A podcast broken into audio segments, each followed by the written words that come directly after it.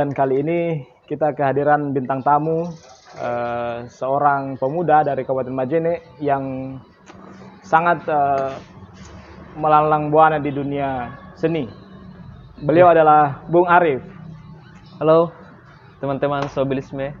Ya, jadi Bung Arif ini adalah eh, founder dari Paru Parung, sebuah komunitas yang bergerak di bidang seni, budaya dan pendidikan ya. budaya dan pendidikan. Oke oke. Dan sekarang kita akan ngobrol seputar seni. Ini ya untuk lebih memperdalam lagi khazanah pengetahuan teman-teman sekalian tentang seni. Bagaimana kabar hari ini, Bang? Alhamdulillah Ya, kabar hari ini baik. eh, sudah siap untuk berdiskusi. Ah sudah saya justru menunggu ini Wah. Sobilisme sejak tahun-tahun kemarin ini. Soalnya Sobilisme itu sudah ada sejak tahun berapa ya? Beberapa tahun yang lalu saya sudah Dua, kenal ya beliau. sekitar 100 tahun yang lalu lah. Bang. 100 tahun yang lalu kalau tidak salah itu ya. Oke. Eh, jadi Ya, gimana bang? Gimana? channel ini baru, Bang, dan kita akan mulai berintis dari hari ini. Yup. Dan ini adalah video perdana Sobilisme Podcast. Jadi saya orang pertama ya. Hmm. Terima kasih Sobilisme. Oke. bicara tentang seni. Sebenarnya apa itu seni Bang Arif? Seni itu sebenarnya sesuatu yang tidak perlu untuk dijawab sih sebenarnya.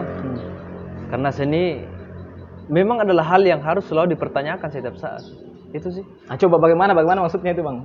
Ah, Tidak perlu dipertanyakan ini maksudnya apa Bang? Oke, begini ya, kalau seni sudah terjawab, maka makna atau rahasia dari seni itu sendiri itu sudah terungkap gitu loh. Jadi banyak orang harus mengetahui apa maknanya. Ya tidak perlu tahu siapa maknanya, yang jelas rasanya dapat ya sudah.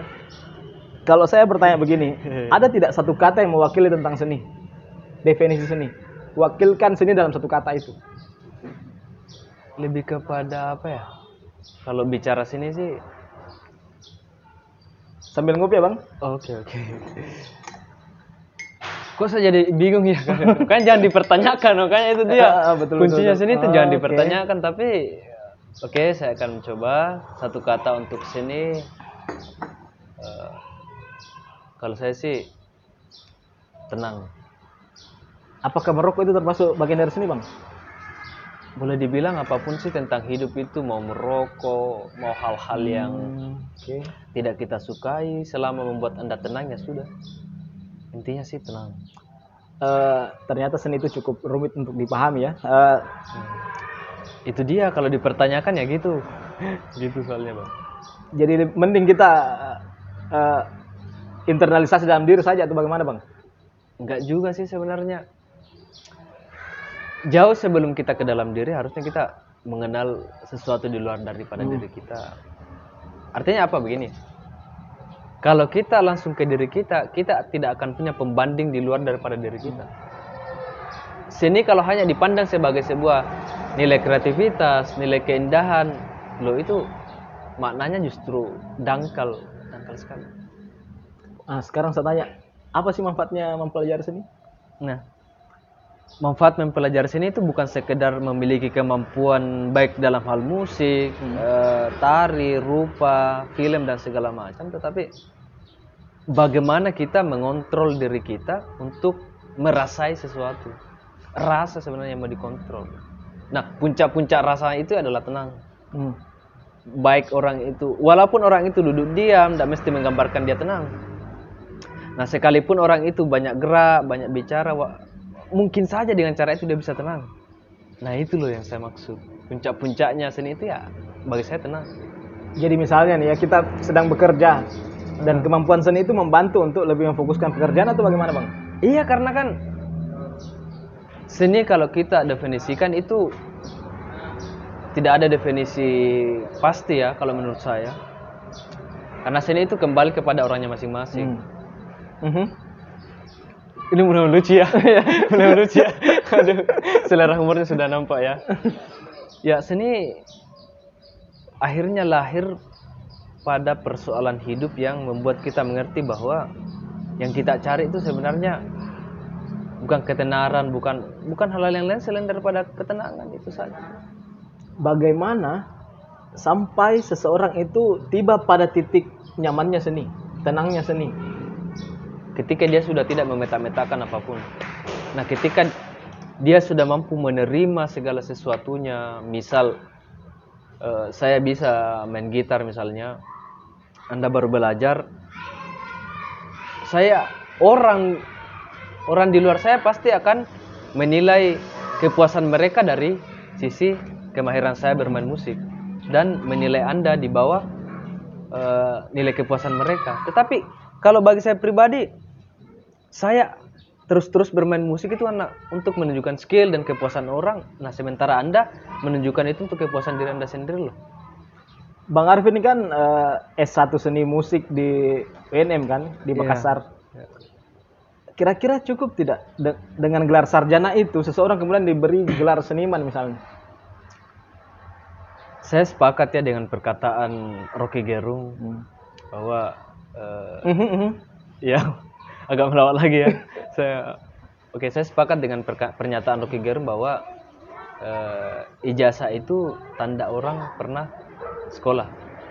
Nah, kalau kita mau belajar seni harusnya itu seni di itu sudah mulai sejak saat kita menyadari tentang dunia ini seni itu sudah mulai dipelajari.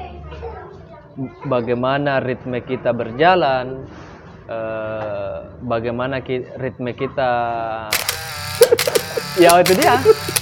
Jangan kelewat di sini deh. Jangan kelewat dia nah. Aduh. Ya, Lewat di situ di bawah. di bawah, ya. Kita harus mampu menginrai sesuatu itu baik melihat, mendengar, terlebih merasa sih sebenarnya. Itu proses belajar yang tidak berkesudahan. Dan Nah. tidak hanya didapat di bangku kuliah. gitu. Dan tidak hanya didapat di bangku kesarjanaan, bangku sekolah, enggak. Kita harus mempelajari hidup, eh, mempelajari alam, mempelajari eh, suasana batin kita sendiri. Nah, misalnya seperti ini. Hmm. Anggaplah kalau misalnya eh, suasana lagi tenang-tenang seperti ini nih. Mungkin ada orang yang merasa bahwa inilah ketenangan. Nah, eh, tiba-tiba petir hujan turun kemudian eh, disertai dengan halilintar. Mungkin ada sebagian orang merasakan itulah ketenangan. Nah, begitu juga di dalam diri kita bahwa kita merasa suatu ketenangan yang walaupun kita sedang bernyanyi teriak-teriak, walaupun saya sedang duduk diam, semua adalah bentuk ketenangan. Itu kembali ke dalam diri kita sendiri. Nah, sekarang saya melihat ada fenomena di masyarakat mulai tereduksi itu minat seninya pemuda. Jadi sekarang itu sangat jarang lah kita lihat pemuda yang menonjol di bidang seni. Nah, itu dia sih sebenarnya Kemungkinan yang banyak itu paling nyanyi, ya kan? Hmm. Bagaimana menyikapi fenomena seperti itu, bang? Sa- saya tidak mengklaim eh, tentang mereka ya dalam hal ini seorang penyanyi bahwa mereka menjual suara atau apa pun itu tapi orang bernyanyi kan berusaha mengindahkan suaranya. Nah eh, akhir-akhir ini kita menjumpai fenomena bahwa minat pemuda masa kini terhadap seni itu sudah sangat kurang. Saya sepakat dengan Bung Alam kenapa itu eh, pemuda masa kini minatnya sangat kurang? Karena orang sekarang mulai memetakan dan memilih kemampuan. Maksud saya, saya mau begini eh, karena ini. Saya mau bisa main gitar dengan berbagai alasan. Saya mau main gitar karena biar eh, saya punya kemampuan di lingkungan pertemanan perkawanan saya. Saya mau main gitar eh, bisa karena seorang perempuan atau apa pun itulah. Banyak alasan yang membentuk itu. Tapi kemudian kita harusnya sadar bahwa minat seni itu nggak mesti dipetak-petakan karena misalnya contohnya kembali ke pertanyaan pertama apa itu seni? Seni tidak akan selalu identik dengan keindahan. Karena di dalam bermusik pun demikian. Eh, gitar atau musik itu sebenarnya dia memperdengarkan sesuatu yang tak terdengarkan. Lagi-lagi saya ulangi pernyataan itu. Memperdengarkan sesuatu yang tidak yang terdengarkan. tak Bang. terdengarkan. Anggap saja kita main mayor dengan minor lah. Di situ kan nadanya beda. Hmm. cara mainnya pun beda. Mhm. Ketika mendengarkan nada mayor nah itu dia. Saya jadi bingung. Ini ini, just kidding ya.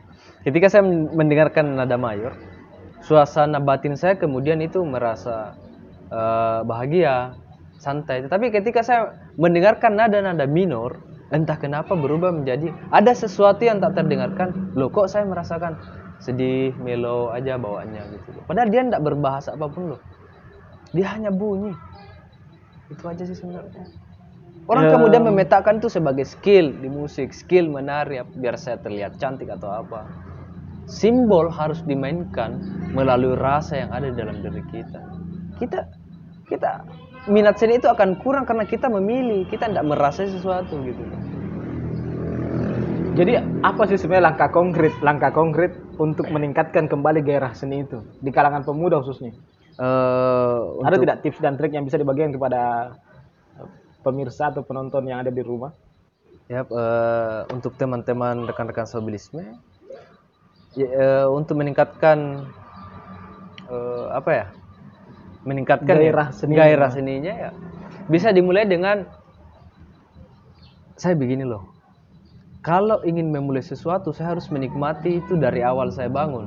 Baik itu suara angin, suara apa pun yang terdengar, itu saya nikmati.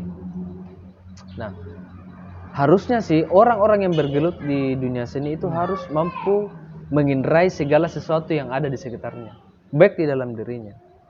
Itu untuk mengembangkan potensi seni.